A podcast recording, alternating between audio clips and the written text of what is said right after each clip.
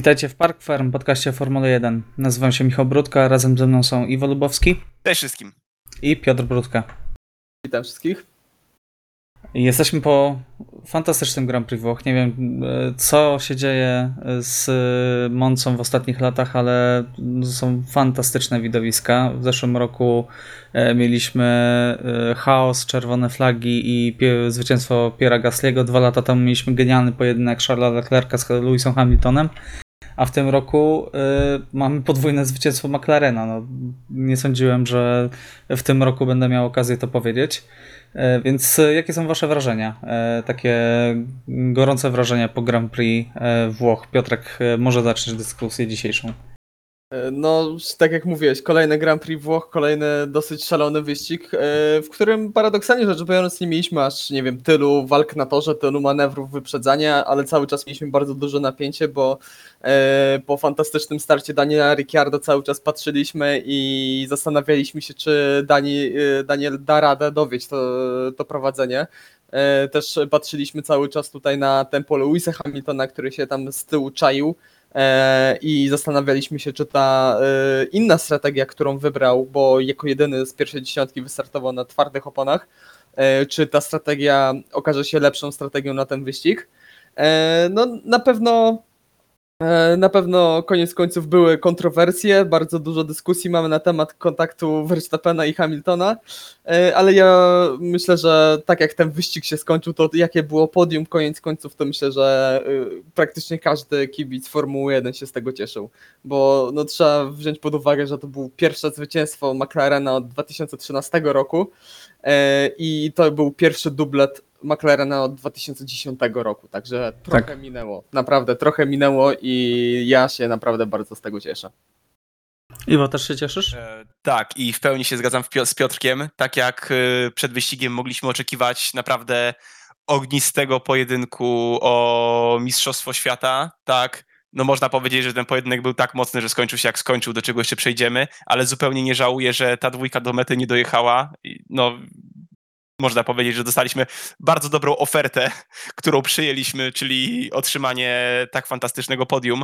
No, mimo wszystko, no, nawet tutaj podium Walteriego Bottasa specjalnie mi nie przeszkadzało, ponieważ w 100% e, na to trzecie miejsce zasłużył.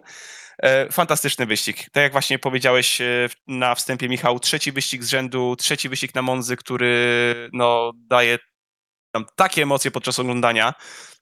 E, Ja nie będę ukrywał, że spora część wyścigu tak naprawdę, e, inaczej, cały wyścig opiewał w bardzo, no czasami nawet bardzo odważne ma- manewry wyprzedzania, także na pewno się nie nudziliśmy.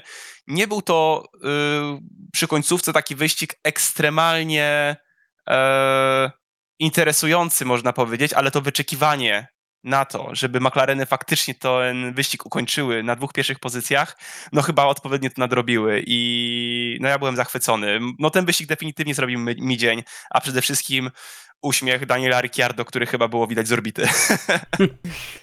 No tak, zdecydowanie. Daniel Ricciardo, który wiele razy mówiliśmy w tym roku, ma niesamowicie trudny sezon. Miał niesamowicie trudny sezon, a po przerwie wakacyjnej wrócił odmieniony, tak? E. I, I fajnie widzieć Daniela Ricciardo z powrotem na najwyższym stopniu podium. Trochę też na to czekał, e, ponieważ nie wygrał wyścigu od e, 2018 roku, e, więc e, no już e, ponad 3 lata e, od ostatniej wiktorii i już e, mógł, mogły pojawiać się takie myśli, że po tym odejściu e, z Red Bulla no ten moment może już nie nastąpić. Także na pewno wielkie brawa, zwłaszcza, że zarówno w sobotnim sprincie, jak i w niedzielnym Grand Prix no, miał atomowe starty, prawda? No warto To, było po odnotować prostu to, niesamowite.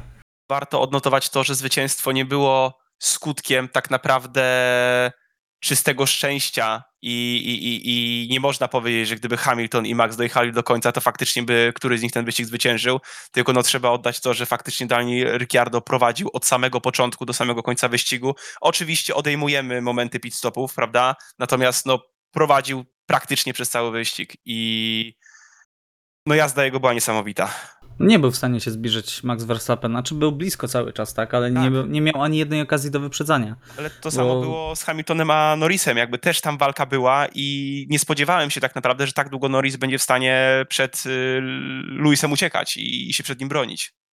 To też pokazuje, że no generalnie na przestrzeni całego wyścigu nie, nie mieliśmy takiej, paradoksalnie rzecz biorąc, jak patrzy, patrzy się na specyfikację toru, to można pomyśleć, że powinniśmy mieć tutaj na Monce taką powiedzmy klasyczną mijankę na pod DRS-em, czyli podjeżdżamy, odpalamy system DRS i po prostu wymijamy kogoś na prostej, a te manewry wy- wyprzedzania, tak jak mówicie, praktycznie każdy manewr, który był, to nie był taki z doskoku, że tak powiem, tylko przez na, było to w takim starym stylu. One były budowane przez okrążenia na okrążenie na okrążenie i w końcu wyczekany ten jeden moment, to je- to jedno dohamowanie, żeby w końcu wyprzedzić swojego rywala, także mm, y, nie było jakoś strasznie dużo tych manewrów, ale myślę, że akurat... Odbywały się w wielu już- miejscach na torze. Tak, To też jest ważne. tak, tak, tak. E, I myślę, że naprawdę e, jak już się odbywało, to dostarczały nam bardzo dużo emocji.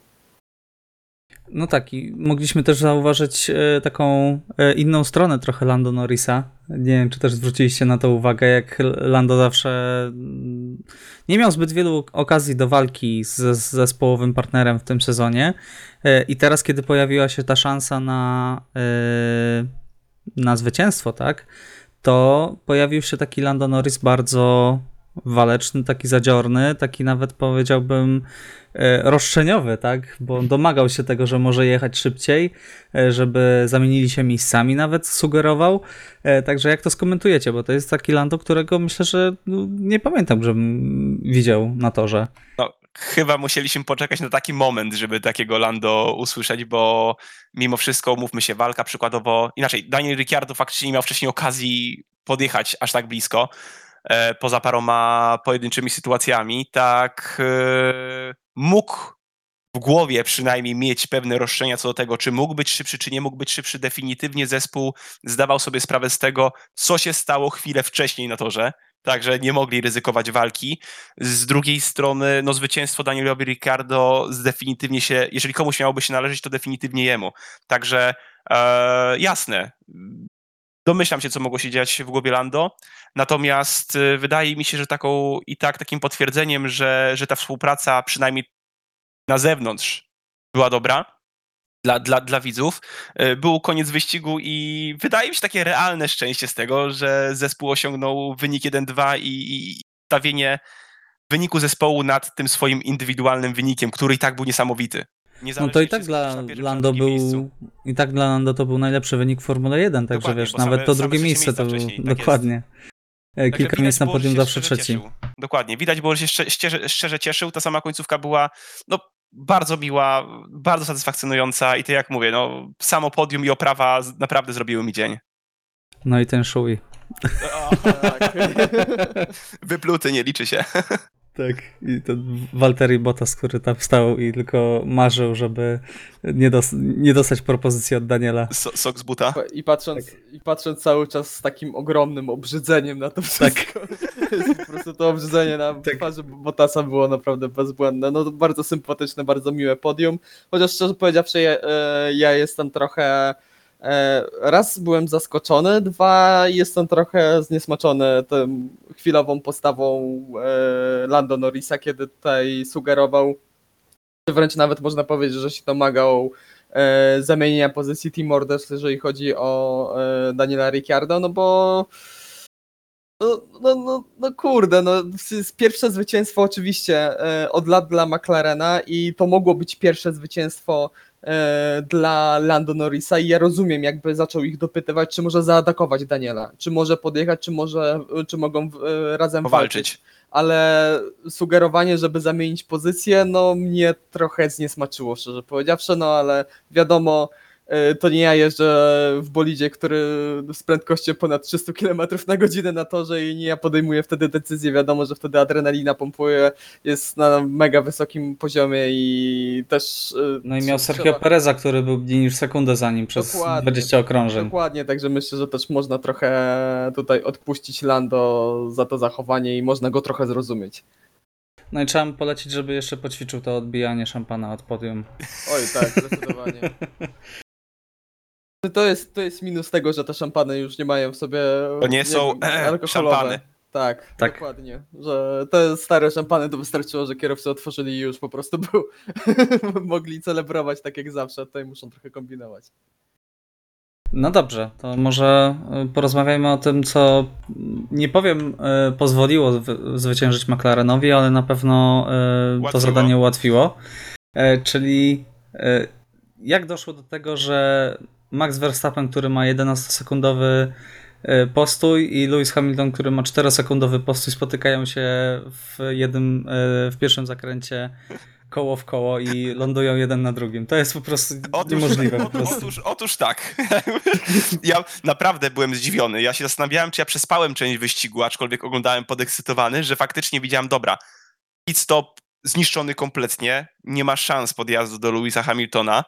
E, Lewis słaby, bo 4,5 sekundowy pit stop, aczkolwiek no to dalej nie jest to. Byłem bardzo zdziwiony, co się stało, naprawdę. E, no, Tu wszystko... można, można zacytować doktora Strange'a, tak? Widziałem 15 milionów możliwości i to, to wydarzyło się w jednej. Tak, tak. Y, No nie wiem, można powiedzieć, że całe show bądź całe show. E, Na pewno część show została zagwarantowana przez y, jednego z mechaników Red Bulla, także zapewne nie jest z siebie w tym momencie dumny. E, Nie wiemy, jak ten wyścig potoczyłby się bez tego, aczkolwiek jak wcześniej wspomnieliśmy, no prawdopodobnie Max też nie byłby w stanie aż tak bardzo zagrozić. Na pewno byłby zagrożeniem, ale nie wiadomo, czy podium by się zmieniło. Może na tej trzeciej pozycji. E, No ale ciężko dalej mi powiedzieć, jak to się stało, że te dwa samochody się zderzyły. Jak się, przepraszam, jak się obok siebie spotkały, bo jak się zderzyły, doskonale widzieliśmy i chyba zaraz przejdziemy do dogłębnej analizy, czyja to była wina. Bądź No właśnie. Dokładnie. No to E, przejdźmy. Przejdźmy bezpośrednio do tego. Proszę bardzo. Jak już rozmawiam, jak już jestem przy mikrofonie, znaczy pierwszą moją reakcją i wydaje mi się, że sporego grona osób, z którymi gdzieś tam dyskutowałem na ten temat, czy, czy, czy, czy, czy widziałem jakieś wiadomości na czatach e, i tak samo moje zdanie było takie samo na wstępie, że był to incydent wyścigowy i w sumie do dnia dzisiejszego to podtrzymuję e, do teraz, ponieważ e, widać było, że w momencie, kiedy spotykają się dwa bolidy e, obok siebie przy dojeździe do zakrętu pierwszego, a raczej już w zakręcie pierwszym, e, no Lewis Hamilton może nie tyle może nie tyle wypycha już kompletnie poza tor, aczkolwiek wiadomo, że tarki nie liczymy już jako tor, aczkolwiek No, Max już nie ma, ta przyciska, no Max już nie ma miejsca. Jego winą, w sensie Maxa jest to, że nie użył drogi ucieczkowej. Tak, mm, wiadomo, to są milisekundy. No tutaj nie ma czasu na takie dogłębne al- analizy. No nie pojechał jak Charles Leclerc później. Tak, na pewno trzeźwiejszym zachowaniem byłoby to, żeby skrócić sobie ten dystans poprzez y, ucieczkę, e, przez, przez y, te tarki. E, Zapewne potem również oddanie pozycji Lewisowi Hamiltonowi. E, Natomiast no, nieszczęsna, tak zwana nasza ulubiona kiełbasiana tarka sprawiła, że no, samochód został podbity. I w gruncie rzeczy nie doszłoby do tego, gdyby Max nie został przyciśnięty. No, taka, jest moja, taka jest moja opinia na ten temat, dlatego wydawało mi się, że dosyć oczywistym będzie to, że zostanie to uznane jako incydent wyścigowy i naprawdę nie spodziewałem się kary trzech pól startowych dla Maxa Verstappena na wyścig w Rosji. Okej, Także- zanim, zanim jeszcze porozmawiamy o tym, y, o słuszności kary, Jasne. y, chciałbym jeszcze poruszyć wątek, który poruszył Will Buxton na Twitterze. Y, Piotrek, może, y, może przybliżysz trochę, y, o czym tam było napisane. Dokładnie chodzi o niebieską flagę przy wyjeździe z alei serwisowej. Tak, dokładnie. No, Aż nie chce mi się wierzyć, że przy, przytaczam słowa Wi- Willa Buxtona. E, ale generalnie sprawa e, rozchodzi się o to, że praktycznie, że każdy kierowca, e, który wyjeżdża na tor z alei serwisowej, e, dostaje niebieskie flagi. E, wiadomo, że jest to samochód, który włącza się, można powiedzieć, z powrotem do ruchu, takim żargonem powiedzmy ulicznym e, i który wraca na tor i on, ten kierowca, który wraca na tor, musi e, zwracać uwagę na tą resztę, która jest na linii wyścigowej i jest e, no, w tempie wyścigowym. E, I ta niebieska flaga była pokazywana e, Lewisowi Hamiltonowi praktycznie do wejścia w pierwszą szykanę, a jak widzieliśmy to i można sobie to zobaczyć na powtórkach, E, No, Lewis Hamilton tylko jak się skończyła ta e, ciągła linia po wyjeździe z alei serwisowej, od razu zjechał do Maxa Verstappena i zaczął bronić swojej pozycji. I szczerze powiedziawszy, no wiadomo, zaraz tutaj zaczniemy dyskutować o tej karze, o słuszności tej kary dla Maxa Verstappena, e, ale samym tym, e, że e, samym tym, że sędziowie ukarali Maxa, a w ogóle nie zwrócili uwagi na zachowanie Louisa Hamiltona przy wyjeździe z boksu, już abstrahując od tego, co się stało w pierwszej szykanie, no stworzyli tutaj bardzo moim zdaniem niebezpieczny precedens, rzecz, która może w, się odbić czkawką, jeżeli chodzi o kwestie bezpieczeństwa w Formule 1 w przyszłości, e, bo ja nie chciałbym widzieć takich zachowań, szczerze powiedziawszy na to, że no bo one są bardzo mocno e, niebezpieczne. Akurat tutaj na Monce mamy dosyć powiedzmy taki otwarty ten wyjazd z alei serwisowej, taki mocno bezpieczny. Od dawna widać ten samochód, ale mamy niektóre tory, gdzie zaraz po wyjeździe z alei se- serwisowej mamy zakręt, zaraz e, za tym mamy jakieś szyb, szybkie sekcje. E, także myślę, Albo ogólnie wyjazd nie jest zbyt bezpieczny. nie jest zbyt bezpieczny, nie jest zbyt widoczny. Czasem te. No, Paul Ricard mi się przypomina. Tak, tak. Paul Ricard jest najlepszym przykładem. E, także tutaj naprawdę. E, albo Imola. Na Imoli tym Też. bardziej. Też. E, także tutaj naprawdę jest stworzony, jest, jestem zdziwiony, że sędziowie w ogóle nie zwrócili na to uwagi, no ale o poziomie sędziowania w tym roku i nie tylko już trochę dyskuto- dyskutowaliśmy w, tym, w trakcie tego podcastu. No dobrze, to w takim razie, jeżeli mielibyście e, powiedzieć, e, czy kara trzech miejsc, cofnięcia o trzy miejsca w Grand Prix Rosji jest prawidłowa waszym zdaniem, czy nie? Krótko do... Moim zdaniem również nie, tak jak wcześniej powiedziałem.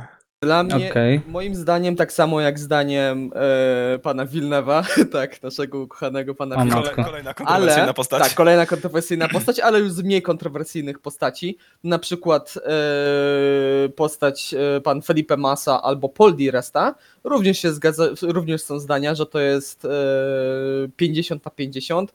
E, swoją drogą Crofty i w, trakcie transmisji również powiedział, że to jest incydent wyścigowy. E, również, że incydent wyścigowy, e, że to jest incydent wyścigowy w trakcie wyścigu mówił pan Alex Brandl, także myślę, że tutaj mamy dosyć dużą liczbę osób, ekspertów, byłych kierowców, którzy uważają, że to jest 50 na 50. E, Do tego Fajnie, można, że zaliczamy się do tego grona już. tak, do tego, do tego można, myślę, że można też e, doliczyć e, uśmiech Walteriego Potasa zaraz po zakończeniu wyścigu. Nie, to jest, to jest najbardziej memiczny Polecam uśmiech. bardzo subreddit Formula Dunk. Także tam już tak. poszedł bardzo, bardzo w ruch ten template. Tak, piękna sprawa. No ja miałem taką binę po wyścigu, jak Valtteri Bottas. Jak zobaczyłem Daniela Ricciardo na najwyższym stopniu podium. A E, Michał, twoim zdaniem? Moim zdaniem, miałem właśnie to powiedzieć. e, Zgadzam się z wami. No, no dla mnie e, to jest sytuacja, w której, e, tak jak ktoś na Twitterze napisał, przepraszam, nie pamiętam po raz kolejny kto, e, ale takie sytuacje się zdarzają, kiedy dwa wielkie ego się spotykają w jednym miejscu i ani Lewis Hamilton nie chciał odpuścić i nie odpuścił i nie zostawił miejsca e, i Max Verstappen, jak już pokazywał wielokrotnie w tym roku, postanowił, że nie będzie odpuszczać i też nie odpuścił y, i też poszedł na całość. Y, Dla mnie y, absolutnie incydent wyścigowy, dla mnie to jest skandaliczne, że Max Verstappen y, dostał taką karę. Wydaje mi się, że jedyna taka, nie wiem, przesłanka, chociaż to nie powinno być przesłanką, kary dla Maxa było to, że wskoczył na bolid Hamiltona, tak? I było, to była bardzo niebezpieczna sytuacja. Ale y, cytując sędziów z wypadku na Silverstone, sędziowie w Formule 1 nie oceniają skutku e, danego e, No właśnie. wypadku. Silverstone. Mieliśmy y, wypadek no, równie groźny, myślę, e, który skończył się bardzo mocnym uderzeniem Verstappena i Lewis nie dostał kary minus 3. Znaczy, tutaj w, powiedzmy w obronę sędziów można by y, przytoczyć y, sytuację z pierwszego okrążenia, y, kiedy to Lewis Hamilton atakował po zewnętrznej i oni spotkali się na pierwszym kółku w wariantę Della Rodzie. E, I wtedy Lewis Hamilton e, wyjechał e, na zewnątrz, wyjechał poza tor i pojechał po tych wyboistych kiełbasianych tarkach, e, unikając kontaktu, bo wtedy, wtedy, wtedy Max Verstappen nie zostawił mu nawet milimetra na torze. Tutaj Lewis Hamilton widać było, że zapamiętał sobie dokładnie, co się wydarzyło na pierwszym e, okrążeniu i zrobił dokładnie to samo. No oczywiście można mówić e, i było takie e, też tłumaczenie się, że on mu zostawił te miejsca. No nie zostawił mu miejsca, tam lew, ledwo co prawe koła Maxa Verstappena były na torze, a Pech chciał, że raz Verstappen nie odpuszczał, nie odpuścił tutaj kompletnie, tylko pchał się cały czas. Eee, A dwa, no, że były takie obasiane tarki, gdzie też można się zacząć się zastanawiać, czy my je naprawdę potrzebujemy, bo to już jest kolejny raz, kiedy one sprawiają, że dzieje się coś nie- niebezpiecznego i szczerze powiedziawszy na e, koncie na Twitterze F1 Feeder Series e, była dyskusja przed niedzielnym wyścigiem, czy my potrzebujemy kiełbasianych tarek właśnie, czy one są nam potrzebne, bo było też dosyć niebezpieczne, e, niebezpieczny fragment w trakcie wyścigu F2, gdzie kierowca wjechał na te tarki, zaczął się odbijać i praktycznie bez kontroli nad autem wleciał znowu na, na tor. Także no to też jest rzecz, którą myślę, że można by zacząć dyskutować Mhm. i się zastanawiać, no bo tutaj y, wydaje się, że ma, była naprawdę mała prędkość, naprawdę e, tak niewinnie to wyglądało, szczerze powiedziawszy. Mieliśmy wiele takich kontaktów, nawet kończyły się, ale tutaj była naprawdę bardzo niska prędkość, biorąc pod uwagę, że jesteśmy, byliśmy na Moncy. E, No, a gdyby nie system Halo, no to No właśnie, do jak- tego chciałem też przejść. nie chcę, nie chcę się zastanawiać, jakby, jakby się to skończyło, a najprawdopodobniej skończyłoby się naprawdę tragicznie. Tak, właśnie miałem o tym powiedzieć, że y, no, system Halo po raz kolejny pokazał, że, y, że jest niesamowicie potrzebny w Formule 1 i prawdopodobnie po raz kolejny uratował życie, bo mimo tego, że był system Halo, Lewis Hamilton i tak został uderzony oponą w głowę. E, Dobrze, że przy bardzo niskiej prędkości, ale to jednak nadal jest uderzenie y, w głowę, tak? E, I mm, no, wpadłby po prostu Max Verstappen prosto na niego, tak? No widać było zniszczenia. W bolidzie, widać było jak Halo e, wygina bok e, bolidu Maxa Verstappena na tych e, powtórkach w zwolnionym tempie, także no, cieszę się, że możemy się emocjonować walką, cieszę się, że dzieje się w tej rywalizacji Maxa z Hamiltonem, z Lewisem, ale cieszę się też, że mamy teraz takie standardy bezpieczeństwa, bo równie dobrze ta walka mogłaby się zakończyć na Moncy dzisiaj. jeżeli to, co się stało teraz i jak system Halo zadziałał, e, nie wiem, jeżeli to nie przekona malkontentów, czy osoby, które były przeciwne, bądź dalej są przeciwne, bo wiele osób było przeciwnych chyba przed 2018 Oj, bardzo, i rokiem. to wiel, wielu Natomiast- nawet. Dokładnie. No, Tam chyba był wrzucony też e, stary tweet, czy, czy jakiś news, e, w sensie jakaś informacja od Louisa Hamiltona chyba, który też to oceniał. Nie wiem, czy to Tak. był fake, czy nie, przyznam szczerze. Ja, ja pamiętam, sorry, że ci się wetnę, Iwo, ale ja pamiętam właśnie reakcję Louisa Hamiltona, kiedy pierwszy raz wszedł do ga garażu i zobaczył system Halo, to po prostu miał takie zdegustowanie na twarzy i tak patrzył się w stylu takie, co to kurde jest. E, no bo wiadomo, no te bolidy wyglądały o wiele ładniej bez tego systemu, wiadomo, ale no nie możemy się, kwestia, es- kwestie estetyczne nie mogą nam przesłonić wszystkiego. Dokładnie. No i właśnie tak tylko kończąc myśl, jeżeli to nie przekona malkontentów, którzy obecnie gdzieś jeszcze, tacy, jeżeli obecnie tacy są, to nie wiem, co przekona. Naprawdę. Chyba nic. Naprawdę, chyba nic.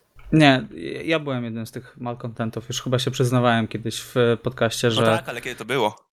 No, na samym początku Halo, no właśnie, tak? no właśnie. Do pierwszego wypadku chyba, do, do wypadku Leclerca, e, który, który no, ewidentnie też uratował Charla i no, strach pomyśleć, co by się stało, gdyby przez te lata, e, gdyby tego Halo nie było, tak? E, Roman Grożan w zeszłym roku, tak?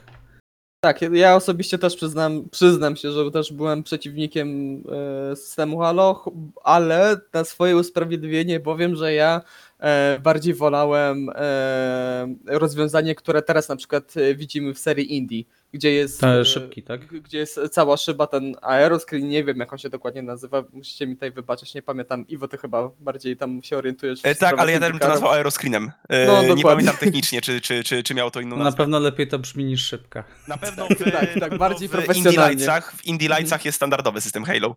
Okej, dobrze. No to, no właśnie, także ja akurat e, opowiadałem za tamtą opcją, chociaż jeszcze chciałbym poruszyć jeden temat, nie, Tak? e, bo też e, jako, że krytykowałem Louisa Hamiltona na, e, w tre, e, na Silverstone po tym jak się e, ek- ekwi- jak tutaj świętował to swoje zwycięstwo zaraz po zakończeniu wyścigu w momencie, w którym e, Max Verstappen jeszcze był na badaniach w, w szpitalu.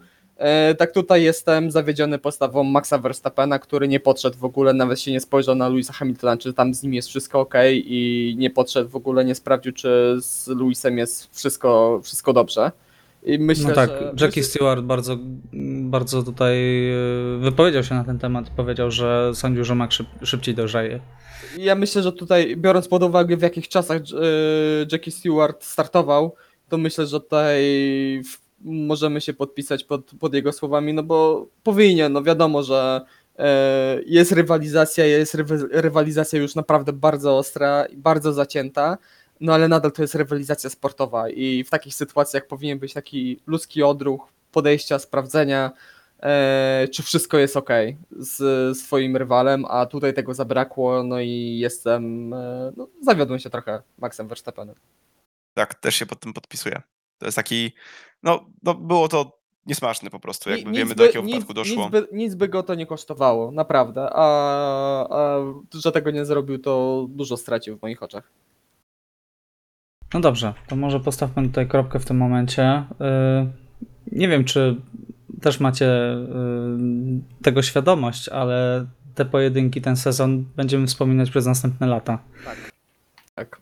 To jest absolutnie historyczny sezon Formuły 1.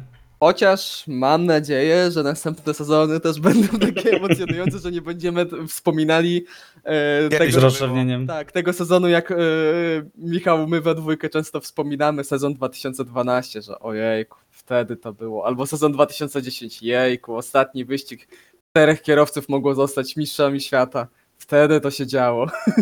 No myślę, że nadal tak możemy mówić, bo teraz tylko dwóch walczy. Znaczy Mazepin już odpadł z, z walki o mistrzostwo Tak, chyba w zeszłym wyścigu, tak. prawda? A jeszcze miał szanse matematyczne. Niestety. Kurczę, na pewno has jest załamany. Następnym Poza tym- Nikita. Tak. Może wyprzedzisz Roberta Kubicę w klasyfikacji. No dobrze, to przejdźmy do, do pana uśmiechniętego, e, do Walteriego Bottasa, który po tym jak e, w końcu ujawniono te informacje o tym, że nie będzie jeździł w Mercedesie w przyszłym roku, zaliczył chyba najlepszy weekend tego, tego sezonu.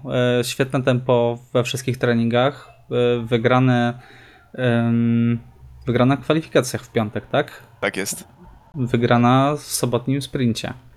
E, Później przebijanie się z 19 miejsca po karach za wy- wymianę części na miejsce trzecie. Naprawdę zrobił bardzo dobre wrażenie Walteri Bottas w ten weekend. Fantastyczny wyścig Walteriego Bottasa. W sensie, y, zapewne no sporo dało mu to, że jednostka napędowa została wymieniona y, w samochodzie. Nie zmienia to dalej faktu, że miał przed sobą no, cały grid kierowców. I tak jak pamiętam, że Valtteri Bottas miał tendencję do popełniania błędów y, na Monzy e, podczas, podczas, podczas walki. Tak tutaj pojechał naprawdę fantastyczny wyścig i no zdecydowanie najlepszy wyścig tego sezonu. Także mam nadzieję, no wiadomo, tutaj już nie liczymy na żadną konkurencję z Maxem Verstappenem i z Lewisem Hamiltonem, natomiast mam nadzieję, że ta zmiana y, przyszła, z, o, zmiana otoczenia, która czeka go w, w, w kolejnym roku, w kolejnym sezonie, sprawi, że trochę się już odblokuje i już nie musi myśleć o tym, czy Mercedes będzie chciał go ponownie zatrudnić i ten kontrakt przedłużyć, tylko faktycznie dokończy co ma do roboty, ale już z, z, z, ze spokojniejszą głową. Także. jeżeli już nie musi być- rezultaty, Już nie musi być Bottasem 2-0, 3-0, 4-0, Dokładnie. także Niech jeździ tak, jak jechał wczoraj, y, wczoraj chciałem powiedzieć, niech jeździ tak, jak jechał w, w ostatnią niedzielę, a naprawdę możemy zobaczyć, że kawał dobrego ścigania w tej czołówce. okej Piotrek, jestem ciekaw twojego zdania. No bota stop. No co tu tutaj można powiedzieć? No bota stop w ten weekend naprawdę bardzo mocno byłem zdziwiony, że tak dobrze pojechał w, w piątek w kwalifikacjach. Oczywiście później e, w sobotę bardzo dużo mu pomogło to, że Lewis Hamilton się trochę pogubił w trakcie startu i stracił tam trochę pozycji. E, ale naprawdę Walteri przez cały weekend pokazywał się z bardzo dobrej strony, pokazywał bardzo dobre tempo i też wydaje mi się, że, e, że po jego mowie ciała można było zobaczyć, że jemu trochę już ulżyło że jest o wiele więcej luzów w tym kierowcy, że już nie ma tych, e, nie ma, nie było już tych pytań co chwilę, co będziesz robił w następnym roku, co będziesz robił, robił w następnym roku, czy na pewno będziesz w Mercedesie, czy może już odejdziesz z Mercedesa, a wiedzmy, że te pytania e, były przy nim praktycznie od początku, e, kiedy w tym Mercedesie się znalazł, bo cały czas roku na rok dostawał tylko roczne kontrakty, także myślę, że Walteri, Walteri tutaj się pokazał z bardzo dobrej strony, jestem z tego bardzo szczęśliwy i no i co, następny jest Sochi, także chyba ja mam taką nadzieję, że pójdzie za ciosem i, Dziesiąte E, zwycięstwo. i odniesie zwycięstwo dziesiąte w swojej karierze. E, Zobaczymy. No i tutaj też e, to po- potwierdza moje zdanie, że dla Alfy to jest bardzo dobry ruch, że w przyszłym roku będzie na nich jeździł Walteri Bottas właśnie. No tak, w końcu topowy kierowca do nich dołącza, tak? No dokładnie. Dobrze, to myślę, że możemy tutaj, e, mając przed oczami ten widok uśmiechny, uśmiech, uśmiechniętego Walteriego e, Bottasa patrzącego na kraksę Luisa Hamiltona z Maxem Verstappenem, e, zrobić taką stopklatkę i, i zacząć rozmawiać o innym, myślę, że dość uśmiechniętym kierowcy w ten weekend. Robert Kubica. E, Prawdopodobnie pożegnalny Grand Prix, tak jak mówiliśmy. E, To nie ukrywam, ja byłem trochę rozczarowany. Mm, zwłaszcza w piątek tymi kwalifi- kwalifikacjami, ponieważ e, no, prawie półtorej sekundy straty do Giovinazziego to, to sporo. W sobotę no, dosyć niefortunny sprint, kiepski start, później bardzo dobre zachowanie w dwóch zakrętach. Absolutnie szalony manewr e, wyprzedzania, właśnie, kiedy chciał ja trzech chciałem kierowców wyprzedzić na raz. Jak nie Robert, ja byłem w szoku, Tak. naprawdę. Późnione dohamowanie, które zamieniasz w ekstremalny atak, ale powodzenie to jest takie 50-50 i niestety No i niestety trafił się no, bardzo e, ekspresyjny w swoich reakcjach Yuki Tsunoda. Tak, tylko właśnie dopowiem jeszcze do tego, z kamery yy, Roberta Kubicy cały ten manewr wyglądał fenomenalnie. Niestety gorzej wyglądał z kamer innych kierowców. W szczególności Mika Schumachera. Dokładnie. Sam, sam Kubica powiedział, że y, no, gdyby to wyszło, to byłby manewr weekendu, ale nie wyszło. Ale zgadzam się, naprawdę się zgadzam. No, później była uszkodzona podłoga, y, dojechanie, no po prostu dojechanie do mety, a w y, wyścigu y, no dobre tempo w pierwszej fazie. Myślę, że za pierwszą fazę wyścigu można Roberta y, pochwalić. Później niestety ten drugi stint moim zdaniem trosz, troszkę zabrakło, żeby utrzymać się przed e, Sebastianem Vettelem, e, później Team Orders i, i doj, dojazd do mety na miejscu 14. Także jak, jak ocenicie ten weekend Roberta Kubicy? Piotrek, może zaczniesz. Myślę, że pozytywnie oczywiście te kwalifikacje, biorąc jeszcze, patrząc jeszcze przez pryzmat roku 2019, e, no na papierze wyglądał bardzo źle.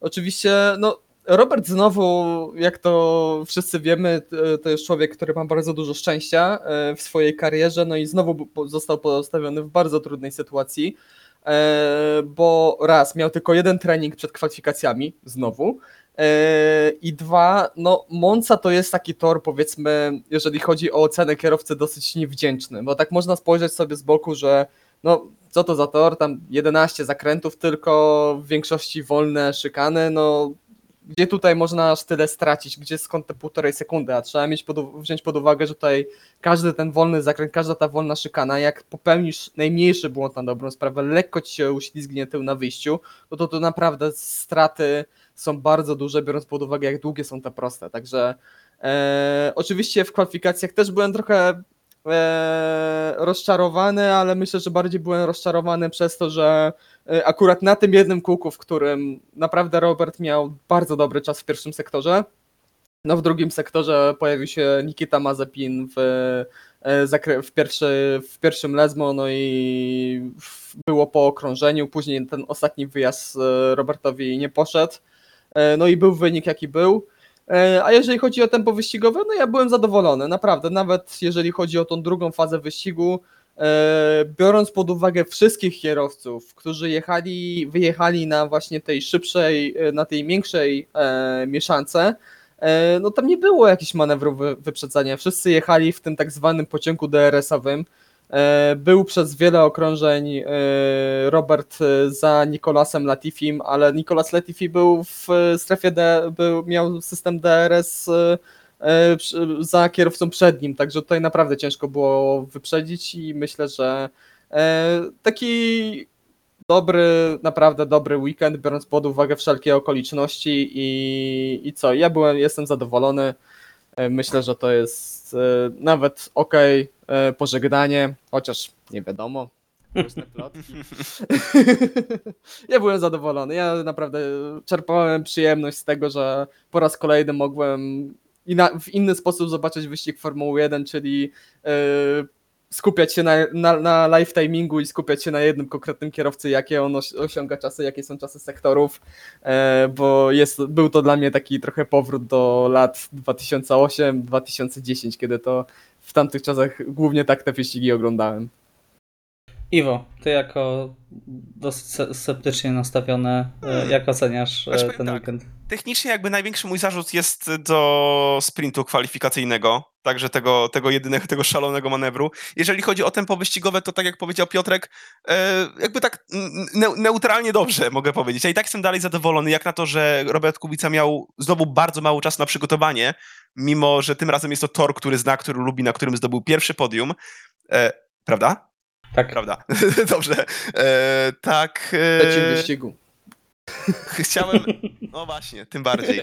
Także, także y, tym bardziej szkoda, y, że nie utrzymał się trochę dłużej, dłużej za Sebasti- przed Sebastianem Vettelem, ponieważ faktycznie nie spodziewałem się jednak mimo wszystko, że Aston tak długo będzie próbował walczyć z Alfą.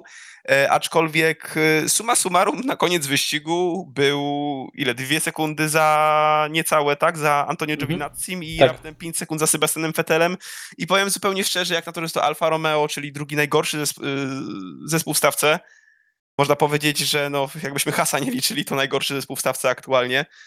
E, tak, e, wy, wydaje mi się, że przy tej ilości treningów wyniki takie zadowalające i ciężko byłoby moim zdaniem wymagać w tym momencie czegoś więcej. Szkoda, wielka szkoda tych kwalifikacji, e, tych takich nazwijmy to w, cudzysłowie właściwych i tego kółka zepsutego przez Nikitę Mazepina. No, no kolejne kółko zepsute jednak gdzieś tam na własne życzenie trochę powiedzmy. Nie zmienia to dalej faktu, że też ciężko było mi oczekiwać czegoś więcej niż dojazd nad hasami, ewentualnie walka z Antonio Giovinazzi, który jednak jest obyty z tym autem. Także z drugiej strony możemy gdzieś tam się ucieszyć, że w, tabel, w tabeli generalnej wyścigu jest nad Mercedesem i Red Bullem, także. Ale nie, naprawdę, do, w tych pięciu sekundach za, za Astonem i, i, i tych dwóch za Antonio Giovinazzim e, na całym dystansie wyścigowym e, wydaje mi się, że gdzieś tam jest to satysfakcjonujący rezultat.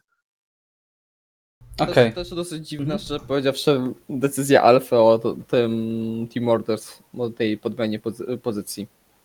No ja też do końca tego nie rozumiem. Taka, no, nic im to nie dało, to była jeszcze jakby oni jechali we dwójkę w punktach, to rozumiem, że Antonio, no nie wiem, tak Walczy Powiedzmy, cały czas o, wal, o walczy coś cały więcej. czas, tak, a tutaj Robert jest do skoku, ale Może no, chcieli pokazać Antonio w trochę lepszym świetle po tej jego bardzo nieszczęsnej sytuacji z pierwszego okrążenia. nie wiem, może, ale no mówię, to jest taka dziwna, dziwna sytuacja i... no Niepotrzebna. Nie, wiem, niepotrzebna kompletnie. No dobrze. E, To w takim razie myślę, że możemy powoli e, zamykać dyskusję o Grand Prix Włoch. Piękne to było Grand Prix, nie zapomnę go nigdy. E, Czy chcielibyście coś jeszcze dodać? E, Myślę, że można tutaj e, żałować, że Alfa Tauri, która też jakby nie patrzeć jest włoskim zespołem, to był ich domowy wyścig. W zeszłym roku piękna chwila, tutaj no, ogromne rozczarowanie, tak? Pierre i Yuki którzy praktycznie nie brali udziału w wyścigu. Tak, no mieli tempo, to też kwalifikacje pokazały. Oczywiście no, start do tego e, wyścigu kwalifikacyjnego dosyć e, pechowy w wykonaniu e, Pierre'a Gasly'ego. No Yuki po raz kolejny nie miał niestety tempa i tutaj też pechowo się złożyło, że, że nie mogli wystartować tego niedzielnego wyścigu. No, ale myślę, że w następnych wyścigach głównie Pierre Gasly pokaże, że, że na co ich stać, bo widać, że w tym bolidzie w rękach Pierre'a Gasly'ego tempo jest naprawdę dosyć spore. No dobrze. Czy to rozumiem, że zamykamy e, ten temat, e, porozmawiajmy, tak? Jeszcze? Jeszcze jedno chciałbym zapytać was, ale to tak naprawdę krótko. E, Sprint sobotni. Co sądzicie? Bo mamy drugi sprint sobotni Mm, i był on na Silverstone. Mamy tutaj na Moncy i po Moncy się spodziewaliśmy większych fajerwerków. Był samochód bezpieczeństwa, to pamiętam. Tak? E, nie, ja najbardziej kojarzę ten sprint z pociągiem DRS. Jakby No, wydawało się, dokładnie. że y, szczególnie y, kierowcy, którzy byli na początku stawki, starali się jechać bardzo bezpiecznie, no bo umówmy się, nie było sensu walki z, y, z Walterim Bottasem, skoro i tak miał być przeniesiony na tył, więc te emocje z, wygrania tego wyścigu kwalifikacyjnego już nie były aż tak duże, ponieważ nie było takiego parcia. Jasne trzy punkty do zdobycia. To się zgadza, to może być bardzo istotne dla Maxa Verstappena czy Louisa Hamiltona. Nie zmienia to dalej faktu, że sam sprint był taki, uważam, nieciekawy. No, Silverstone zapamiętałem jako szarże Fernando Alonso. Tutaj jedyne co mogę zapamiętać to. powroty na tor. Tak, e, jedyne co mogę zapamiętać to kiepski start Hamiltona. Także no, ja nie jestem zachwycony tym sprintem absolutnie. I szczerze powiedziawszy, też moim zdaniem e, przez ten sprint e, cierpi niedzielny wyścig, bo mamy o wiele mniejsze zróżnicowanie, jeżeli chodzi o strategię z, w, kierowców. No tutaj jedynym takim powiedzmy e, zdziwieniem i taką e, czymś, co, nad czym mogliśmy się zastanawiać, no to były te twarde opony Lewisa Hamiltona, tak to praktycznie cała reszta stawki startowała na tej samej oponie, No tak. na świeżej oponie. Także tutaj już kompletnie e, zabijało wszystko na dobrą sprawę. No, ja nie jestem y, przekonany w tym momencie do sprintów. Raz na jakiś czas może, ale to nadal moim zdaniem trzeba przebudować jakoś ten format. Dałbym raczej dwie sesje treningowe, kwalifikacje y, te właściwe w sobotę rano zamiast drugiego treningu i ewentualnie sprint tego samego dnia po południu. Się szczerze powiedziawszy, te sprinty y, troszkę kojarzą, y, biorąc pod uwagę ich aktualny format z tymi y, z WRC i z tymi super odcinkami specjalnymi, które się mają miejsce gdzieś w środku miasta, gdzieś na ulicach, gdzieś takie malutkie OS-y, które, o których się właśnie mówi, że y, rajdu tam nie wygrasz, ale możesz go przegrać. Tak samo w, y, jeżeli chodzi o ten sprint kwalifikacyjny mi się wydaje właśnie na, y, na przykładzie Piera Gasliego, że y, za wiele, tak dużo on tam nie miał do wygrania, a przegrał na dobrą sprawę cały niedzielny wyścig, także no nie No, tak samo było z Sergio Perezem, tak? Tak, dokładnie. Także Na ja, Silverstone. także ja myślę, że też właśnie ze względu na to, im więcej będziemy mieli tych, e, tych sprintów kwalifikacyjnych w takim formacie, no to ci kierowcy będą jechali jeszcze bardziej ostrożnie, żeby, no, żeby bo Nie zepsuć sobie weekendu całego. Ja bym dał więcej punktów. tak, tak, więcej punktów. Tak jak, Punktacja z 2008-2009 roku. Mhm. 10 punktów za zwycięstwo i od razu masz zupełnie inne y, proporcje, tak? Y, Kiedy masz, możesz zdobyć 10 punktów, no to masz dużo większą motywację do tego, żeby zaryzykować, niż jak masz do zdobycia 3 punkty. Zgadzam się. Na dobrą sprawę co, jedziemy jedną trzecią dystansu wyścigowego, tak? Jedną trzecią? Ja bym, ja bym to nawet skrócił do 1 czwartej, żeby kierowcy nie musieli oszczędzać opon, tylko żeby cisnęli na maksa cały czas. Taki Baku sprint, dwa okrążenia. Tak.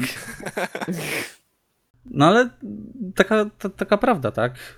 No, mamy w drugiej fazie sprintu zero akcji, bo już wszyscy oszczędzają opony, byle tylko dojechać. A jak skrócimy trochę ten dystans mm, o kilka procent, to nie trzeba będzie nawet tej miękkiej mieszanki yy, oszczędzać, tylko będzie można cisnąć cały czas. Zwłaszcza jak będziesz miał o co walczyć. Wszyscy na, na miękkich mieszankach bez stresu o zużycie. No, witamy w formule sprzed 15 lat. Kiedyś to było. No dobrze, to w takim razie stawiamy kropkę. Zobaczymy jeszcze chyba jeden sprint, prawda? W Brazylii, o ile Grand Prix Brazylii się odbędzie, e, bo to też nie jest jeszcze pewne. E, Natomiast przejdźmy do plotek i ploteczek. Silly Season jeszcze nie skończył się. E, Jeszcze nie mamy potwierdzonego e, drugiego fotela w e, Alfie Romeo i nie mamy potwierdzonego fotela w Astonie Martinie. Pojawiły się nowe plotki. Plotki sensacyjne, mówiące o tym, że Sebastian Vettel może mieć dosyć już jeżdżenia w Formule 1 i będzie chciał zakończyć karierę po tym sezonie, mimo że Aston Martin go chce na przyszły rok. I Aston Martin chce kierowcy doświadczonego, nie chce młodzika z Formuły 2, tylko potrzebuje kierowcy doświadczonego, kierowcy, który ma dobrą wiedzę techniczną e, i kierowcy, który jest objeżdżony w Formule 1. E, No i jako, że mamy już e, silly season na samym końcu praktycznie, bo mamy, tak jak mówiłem, dwa wolne fotele, no to nagle pojawia się sytuacja, w której no, ciężko jest wyrwać topowego kierowcę i pojawiły się plotki, ploteczki, e, mówiące o tym, że e, szanse na angaż mogą mieć Nico Hulkenberg i Robert Kubica. Także Piotrek, e, jak skomentujesz te plotki? Ile, ile w tym może być prawdy? Na ile to są tylko domysły? Jakie jest twoje zdanie? Znaczy, no, biorąc pod uwagę na, na ten profil, który oczywiście jest w tych plotkach, które oczywiście wszelkie te plotki mamy przed tym jedno wielkie jeżeli. Jeżeli naprawdę Sebastian Vettel nie chce dalej jeździć w Formule 1. Tego nie wiemy e, i równie dobrze to się może e, szybko ukrócić, biorąc pod e, właśnie ogłoszeniem Sebastiana Vettela. E, Ale jeżeli chodzi właśnie, jeżeli rzeczywiście Vettel rezygnuje z Formuły 1, no to yy, mało mamy takich kierowców doświadczonych. Jeszcze w tych plotkach była mowa o Danielu Ricciardo, ale po tym weekendzie wątpię, żeby Daniel Ricciardo znowu po raz kolejny chciał zmieniać samochód, zespół, środowisko. Już chciałby w tym McLarenie, który cały czas się pnie do góry, e, zostać na dłużej. E, to rzeczywiście mamy mało kierowców doświadczonych. Oczywiście dosyć naturalnym e, wydawałoby się no, Valtteri Bottas, który jeżeli nie byłby w Alfie Romeo, No, ale Valtteri Bottas jest potwierdzony, także no zostaje nam rzeczywiście, no chyba tylko Hulkenberg, chyba tylko Kubica. Hulkenberg już e, miał epizody w tym zespole. Eee, No i jest kierowcą testowym cały czas. jest cały czas kierowcą testowym, także biorąc pod uwagę, także na papierze ma e, większe tutaj e, jest Szanse na angaż? Większe, większe szanse na angaż, no ale z drugiej strony mamy Roberta Kubicę, który się pokazał naprawdę z niezłej strony. E, bez fajerwerek, jak już mówiliśmy, ale naprawdę z niezłej strony. E, o wiedzy technicznej Roberta e, Krążą legendy. krążą już naprawdę legendy i już od tylu róż- różnych osób, które potwierdzają to samo, które mówią, że Robert, jeżeli chodzi o feedback, o to, jakie informacje jest w stanie oddać dać zespołowi po, po jeździe samochodem, to ja wątpię, żeby to były tylko plotki, tylko naprawdę coś w tym musi być.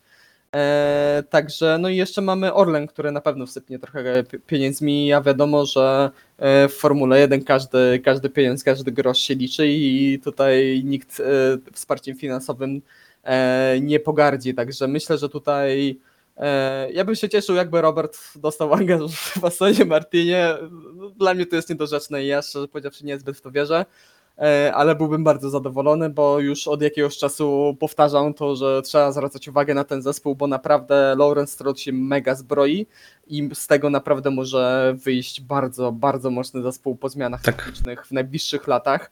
E, także zobaczymy. Co do Nico Hulkenberga, nie wiem, mistrz powiedziawszy, jeżeli chodzi o Formułę 1, ten kierowca się trochę przejadł i nie chciałbym, żeby wracał do Formuły 1, nie wiem, już miał swoje epizody, miał już tyle szans, żeby udowodnić, tyle już szans, żeby pokazać, że jest w stanie zdobyć, nie wiem, to podium wymarzone swoje, ale za każdym razem, jak już miał szansę, żeby zdobyć to podium, to lądował w barierze z własnej winy na dobrą sprawę, także e, także z tej dwójki jakbym miał wybierać ja, no to wiadomo, że Kubica. No.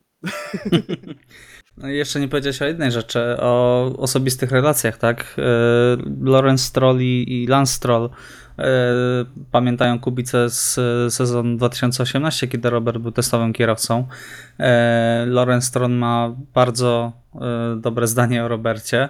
Ponoć jedli razem kolację w ostatni weekend. O, Tak. No to już wiesz, to już Potwierdzony praktycznie pod, potwierdzony, dokładnie. Wiadomo. Wiadomo, dokładnie. E, Dodatkowo Lance też świetnie dogadywał e, z Robertem, kiedy jeździli razem i, tylko dobre słowa słyszeliśmy. E, I też Lorenz bardzo naciskał, żeby Robert był razem z Lansem w Williamsie jako para kierowców. No wtedy doszło do tego, że Claire po prostu uznała, że woli wsparcie Mercedesa i pieniądze od Mercedesa, więc Lorenz się zawinął do, do Racing Point i tam rozdaje karty po swojemu. Więc y, Iwo, co na ten temat sądzisz? No, Hmm. czysta absolutnie spekulacja, tak? Znaczy powiem tak, y, zacznę od tego, że wątpię, to też są wiadomo wszystko spekulacje, tak samo jak z plotkami są, y, plotkami są informacje o odejściu Fetela na emeryturę po tym sezonie. A nie sądzę, żeby Sebastian Vettel odszedł y, na, na, na dłuższy urlop, że tak powiem, po tym sezonie, z tego też względu, że no zaraz zbliża się zmiana regulacji w Formule 1, jest w zespole, który może być mocnym pretendentem do walki o naprawdę wysokie pozycje w przyszłym sezonie, e, przy tych dosyć, no nazwijmy to, grubych inwestycjach. Mm, To też wydaje mi się, że chociaż jeden rok jeszcze w, w, w Astonie przejeździ. Jeżeli chodzi o kierowców, to też ciężko mi teraz w sumie wymyślić faktycznie, wybrać kogoś, kto byłby bardziej doświadczony, bardziej obeznany, może bardziej objeżdżony z aktualnymi specyfikacjami bolidów będzie faktycznie Nico Hulkenberg niż Robert Kubica, mimo wszystko. E, chciałbym zobaczyć Roberta w końcu w konkurencyjnym bolidzie. Także tutaj mi się wydaje, że podzielam zdanie Piotrka, że tak, chciałbym zobaczyć Roberta Kubicę i zgadzam się z tym, że Nico Hulkenberg miał dużo szans.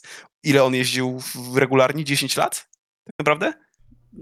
No, miał jeden rok przerwy w międzyczasie, ale myślę, że tam z 8-9 sezonów się uzbiera. Sezonu dokładnie. 2009 wtedy zadebiutował, później miał sezon przerwy i później wrócił. Także ma dużo szans. Nie uważam, żeby to był zły wybór. Z tego względu, że jest to kierowca, no trzeba przyznać, że doświadczony i, i na pewno mógłby pozytywnie wpłynąć Na, na, Solidny. solidny. Jest doświad, doświadczony i, i solidny kierowca. Eee, ciężko mi powiedzieć, czy Robert Kubica nie miałby raczej dostać angażu jako kierowca testowy zamiast Nico Hulkenberga. Że wydaje mi się, że w tę stronę ta współpraca mogłaby pójść, jeżeli tak. Jeżeli miałbym podać najbardziej realny według mnie scenariusz, no to fa- faktycznie Hulkenberg na miejsce kierowcy i Robert Kubica na miejsce testowego, tylko że w Astonie. Taka dla mnie najbardziej realna opcja, ale przyznam, że tak, chciałbym zobaczyć Roberta Ku- Kubicę faktycznie w końcu takim realnie konkurencyjnym bolidzie. I na przestrzeni całego sezonu. I na przestrzeni całego sezonu, Bo ja dokładnie. szczerze powiedziawszy też jestem bardzo ciekawy, wiadomo, że jestem wielkim fanem Roberta, że to jest mój bohater z dzieciństwa i tak dalej, i tak dalej, ale y, naprawdę ja cały czas do końca nie wiem, y, co Robert tak pełni potrafi. Nie, mam, nie mamy tego czarno na białym, bo oczywiście mamy różne występy w innych kategoriach, był występ w Le Mans, gdzie pokazywał naprawdę bardzo dobre tempo wyścigowe. E, Ja naprawdę chciałbym zobaczyć, jak w dobrym bolidzie na przestrzeni całego sezonu, jak Robert Kubica jest w stanie sobie poradzić zarówno w tempie kwalifikacyjnym i w tempie wyścigowym. Bo tego nadal nie wiemy. No, taczka z 2019 roku nam tego, tej odpowiedzi nie dała. No dobrze. E, Z tego co czytam teraz, e, w międzyczasie pojawiły się nowe informacje. Dzisiaj e, Fred Wasser pojawił się w Warszawie. Prowadzone są cały czas rozmowy na temat przedłużenia kontraktu. Antonio Giovinazzi cały czas szuka pieniędzy, żeby zacząć wnosić pieniądze, ponieważ do tej pory no, on był tylko na wsparciu z samego programu Ferrari. I po, ponoć Automobile Club d'Italia poprosił o wsparcie finansowe włoski rząd. E, I to już, to już, to już tak, Grubo. dokładnie. Technicznie Robert Kubica też ma wsparcie polskiego rządu. No tak. E, Natomiast. nie mówimy, że to e, nie jest grube. Tak. Automotorun Sport też podaje, że e, w rozmowach z Guaniużą e, pojawiły się rozbieżności, e, ponieważ Zhou chce długoletniego kontraktu, a Alfa naciska na roczne. Także tutaj też no, cały czas piłka jest w grze, nie jest powiedziane kto, kto tutaj będzie jeździć w przyszłym e, sezonie.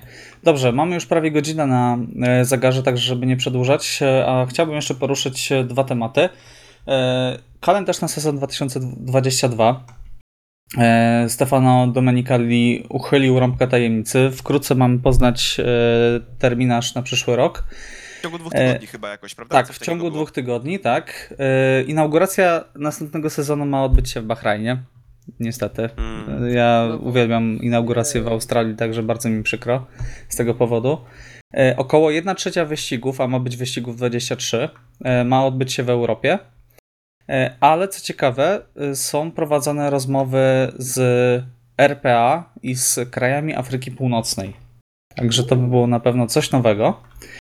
E, Dodatkowo mają pojawić się dwie rundy na Dalekim Wschodzie, między innymi na torze w Korei, który wróciłby w ogóle z jakiegoś niebytu po 10 latach Nie przerwy. bo pamiętam, tam- jak ta nitka wygląda, nawet przyznam szczerze. Bo wyścig był w 2011, także wiesz, trudno żebyś pamiętał. E, I co jeszcze? E, niepewna jest przyszłość Barcelony i Paul Ricard. Oby. Nie będzie niestety Grand Prix Niemiec w przyszłym roku. No to jest, E. przy tylu wyścigach w Europie, to jest dla mnie wiadomość naprawdę smutna. Tak, ale plotki wskazują na to, że Imola ma wrócić na stałe. Już nie jako taka zapchaj dziura, ale pełnoprawne Ale Grand w Prix. deszczu, ale w deszczu, takim umiarkowanym poproszę. I z dłuższą strefą DRS. Także jak skomentujecie to? Jakie wyścigi chcielibyście zobaczyć e, na stałe, jakich nie, nie chcielibyście zobaczyć tak pokrótce? E, A było coś o Monako, bo. Nie wspomniał o Monako. Okej, Mam to- nadzieję, że nie będzie usunięcia Grand Prix Monaco. Nie przeżyłbym tego. Ja tak samo, bo w ostatnich dniach się pojawiła informacja właśnie, że to co już powiedziałeś, że niepewny jest e, Paul Ricard, ale podobno też niepewne ma być Monako i mam szczerą nadzieję i naprawdę bardzo mam nadzieję, że ten wyścig zostanie e, w kalendarzu. Ja z Imoli bym się bardzo cieszył. Nie cieszę się z tego, że zaczę, zacząłby się sezon w Bahrajnie, bo te początki sezonu w Bahrajnie były bardzo takie nijakie. Bezpłciowe. Tak. Kojarzą się z COVID-em nie- strasznie. Można powiedzieć. Eee, No i co? No i ja jestem, ja jestem bardzo ciekawy, jeżeli chodzi o te afrykańskie tory, w szczególności jeżeli chodzi, jeżeli chodzi o RPA, może e, tam Kailami, jeżeli dobrze pamiętam, jak Kielami, kielami, świetny Kielami, tor. tak. Szczególnie, że on chyba został zmodernizowany tak sensownie. Też, też mi się wydaje, że tam modernizacja poszła, tam GT World e, Series się ściga, e, także naprawdę... No, ostatnie Grand Prix RP to chyba 86 rok, jakoś tak? Świetna Lata nitka, 80. Świetna nitka. Także ten tor bardzo chciałbym zobaczyć, no a jeżeli chodzi o te północnoafrykańskie, no to zobaczymy. Zobaczymy. Y, Więcej, mam nadzieję, że będzie właśnie więcej takiej różnorodności i więcej takich klasycznych torów, a mniej kolejnych tilkedromów na Bli- Bliskim Wschodzie. No uważaj o co prosisz. Chociaż, chociaż, y, chociaż Korea, Korei nie chce. Naprawdę, ten tor był. Znaczy słaby. tamten wyścig był wyjątkowy, bo on jakoś strasznie się przedłużał i w Tak. pół roku już takim jeździli kierowcy. Tam robiło się ciemno praktycznie. Tak, i jeszcze nie dokończyli tego toru, nie było stref wyjazdowych przygotowanych i było na dobrą sprawę jakoś, że padał deszcz, to jak bolidy wyjeżdżały, to były całe ubłocone. Tak. I to było wyjątkowe. I to było akurat fajne. Ale sama nitka, y, nie, mi się nie podobała. Ja nie pamiętam tej nitki, nie będę oszukiwać tutaj. E, natomiast e, no zobaczymy, tak? Myślę, że dwa tygodnie, za dwa tygodnie, jak e, poznamy już, e, jak będzie wyglądać ten kalendarz, to na pewno szczegółowo to omówimy. Natomiast chciałbym, tak? Co do tor, torów kolei, to, y, w Korei, wyobraź sobie tor Herm- y, pana Tilke. To wystarczy. No tak. Masz dokładnie. długie, proste i szybkie łuki. Dziękuję. Ale zakręt numer 3. Co to się dzieje? Od linijki, od linijki wszystko. Ale tak, no, dobrze, już, już przypominam sobie, jak to wygląda. Ale nie, poważnie, nie, nie, nie. Ojej. To będzie ciekawy wyścig. To no. będzie ciekawy Bę- będą wyścig. bolidy, pamiętajcie, że w przyszłym roku bolidy będą bardzo blisko siebie jechać, także w tych szybkich Mhm. łukach mogą, nie będzie w ogóle prawie y, brudnego powietrza, więc możemy widzieć niesamowite sceny. Natomiast chciałbym jeszcze y, przed tym, jak y, przejdziemy do zapowiedzi Grand Prix Rosji, no to może jeszcze wrócimy na szybko, bo, bo nie dałem wam dokończyć. Po jednym torze, jakbyście mieli dodać do kalendarza w przyszłym roku, to jaki to byłby tor? Hockenheim. Okej, Iwo? Na przyszły rok jeden tor, Sepang. Kurczę, ja chciałbym jeden i drugi, ale niech pójdę, pójdę z Sepang, bo, bo Hockenheim jednak był całkiem niedawno, a, a Sepang już kilka dobrych lat, a to za, zawsze miałem sentyment do tego e, toru i do tych wyścigów e, o 9 rano. Tylko drom, a, a, a jednak ma coś w sobie. Tak, zdecydowanie. To był jeszcze wczesny Tilkedrom, gdzie jeszcze miał jakieś ciekawe pomysły. Tak. E, Dobrze, to przejdźmy do ostatniego e, tematu. E, Ciekawostka taka. Nie wiem, czy słyszeliście o Charles, e, Charles Leclerc i jego problemy zdrowotne podczas drugiego treningu. Czym były spowodowane? Chodzą plotki. Ja że... te, te teorie słyszałem tak różne, że chcę to Tak. usłyszeć, bo nie słyszałem plotki. Uwaga. Mattia Binotto miał e, uciąć sobie bardzo ostrą rozmowę z Charlesem Leclerciem przed sobotnią sesją, mówiąc, że to Carlos Sainz będzie kluczową postacią w dalszym rozwoju technicznym, bo feedback, e, jego feedback jest bardziej konkretny, ma większe doświadczenie i e, jego uwagi są bardzo pomocne. I Charles był tak zszokowany tym faktem, że źle się poczuł podczas jazdy. Jak to skomentujecie? Wow. Te- teraz powinieneś puścić e, czołówkę z archiwum Mix. Tak. Ale... Uuu. No powiem szczerze, że brzmi coś tu strasznie jest. grubo, jeżeli o to chodzi. Jakby, no myślę, że możemy się zgodzić z tym, że Carlos Sainz gdzieś tam jako doświadczenie z wielu już zespołów, które, które mógł przynieść do Ferrari, no jest tym kierowcą jednak starszym, stażem i, i, i wiekiem, ale, Ale Charles dostał rok temu czteroletni kontrakt ale w Ferrari. Charles dostał dokładnie czteroletni kontrakt i powiem szczerze, że no nie, o Jezu, ciężko mi uwierzyć, żeby takie słowa padły. Przecież to jest wiadome w jakimkolwiek zarządzaniu zespołem, że, że tak przekazanie tych informacji no, nie spowoduje jakoś specjalnie pozytywnej rozbudowy relacji w przyszłości. Ale to jest Mattia Binotto i Ferrari. A, strat, no tak. Grande strategia w zarządzaniu ludźmi. Ojej.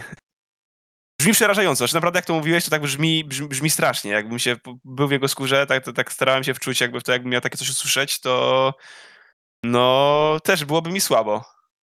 Szczerze, to brzmi. Ja, ja kompletnie nie wierzę w te doniesienia, to się, to się czytałem, e, ale to brzmi bardzo grubo jak wciśnięcie Mika Schumachera do Ferrari. Ojej, nie. O. Ostatnio się pojawiały plotki, że e, Charles ma przedłużyć kontrakt do 2026, także to już, to już w ogóle jest miszmasz. Ale to, to wrzucam po prostu jako ciekawostkę Nie, i co, to, co... że dzień wcześniej zjadł coś za ostrego po prostu. Jakby. I to też wątpię, że jasne, że taka sytuacja może mocno dobić i być, m, człowiek może być rozkojarzonym, ale wątpię, żeby na Charlu, na Charlu, który, no wiadomo, on jeździł bardzo często po torze w trakcie wyścigów po naprawdę bardzo ciężkich yy, informacjach, które usłyszał wcześniej, No czy tak. to w Formule 2, czy to w Formule 1. E, wątpię, żeby on aż tak zareagował. Naprawdę. Biorąc pod uwagę, co, przez, przez co ten chłopak przeszedł w przeszłości. Także myślę, że to jest mocna nadimpre- ir- i- nadinterpretacja yy, i takie szukanie nagłówków, takie clickbaity włoskie. Trach pójść do toalety, prawda, teraz? Tak, nie tak. wiadomo, kto co powie. Dobrze, panowie. E, Grand Prix Rosji, jakie są wasze przewidywania? Czego się spodziewacie? Kto wygra kwalifikacje, wyścig i, i kierowca dnia? Podczas Nudy. Stop. Spodziewamy, spodziewamy się nudy, niestety, jak zawsze, na Rosji. Jak zawsze powtarzałem, jest to lepszy tor do jeżdżenia w symulatorach, czy w simcade'ach, czy gdziekolwiek. Jest o, wiele, jest o wiele lepszy tam, niż faktycznie w oglądaniu sp- sportu. Eee, może od razu przejdę do tej trójki wybrańców, prawda? Bo, bo, bo, bo, bo wszyscy wiemy, ja domyślam się, jakie też macie zdanie o Rosji. Jeżeli chodzi o kwalifikacje, stawiam na Walteriego Bottasa, jego tor i, i Okej. życzę mu, żeby sobie to ładne pole position zdobył. W wyścigu stawiam na Maxa Verstappena. E, Natomiast jeżeli chodzi o kierowcę dnia, stawiam na Charlesa Leclerca. Okej, ciekawe wybory. Piotrek, jak stawiasz? Yy, Ja mam dziwne przeczucie, biorąc pod uwagę, że mieliśmy ciekawą Francję w tym roku. Mam dziwne przeczucie, że ten wyścig będzie niezły. Eee, chyba, to będzie, zapomniałem chyba to będzie pierwszy niezły wyścig e, w, w historii tego Grand Prix. E, Mam nadzieję, że porządkowi sprawdzą szczelność e, gaśnic e, i porządkowi będą lepiej przygotowani niż w zeszłym roku, bo tam były dziwne sceny rok temu. Szczególnie w juniorskich seriach chyba. Tak, tak, o Jezu, to było straszne. Eee, a jeżeli chodzi o przebieg e, weekendu, ja wierzę w Walteriego Bottasa. Walteri Bottas e, wygra w sobotę, Walteri Bottas wygra w niedzielę, e, a kierowcą dnia zostanie e, Daniel Valtteri Bottas. Nie, Walteri Bottas chyba nigdy nie zostanie kierowcą dnia. Jakby miał zostać, to by został w, te, w, tym, w tym weekendu. No i tak, też, też racja. Waltery, kiedy zostaniesz kierowcą dnia? Witam, To chyba, nigdy. Dobrze, e, no to jak Bottas Train, to Bottas Train. Też stawiam na Walteriego e, w sobotę. Natomiast myślę, że będzie Walteri z James i będziemy mieć Hamiltona w niedzielę. E, A kierowcą dnia zostanie Fernando Alonso. O, Dla odmiany.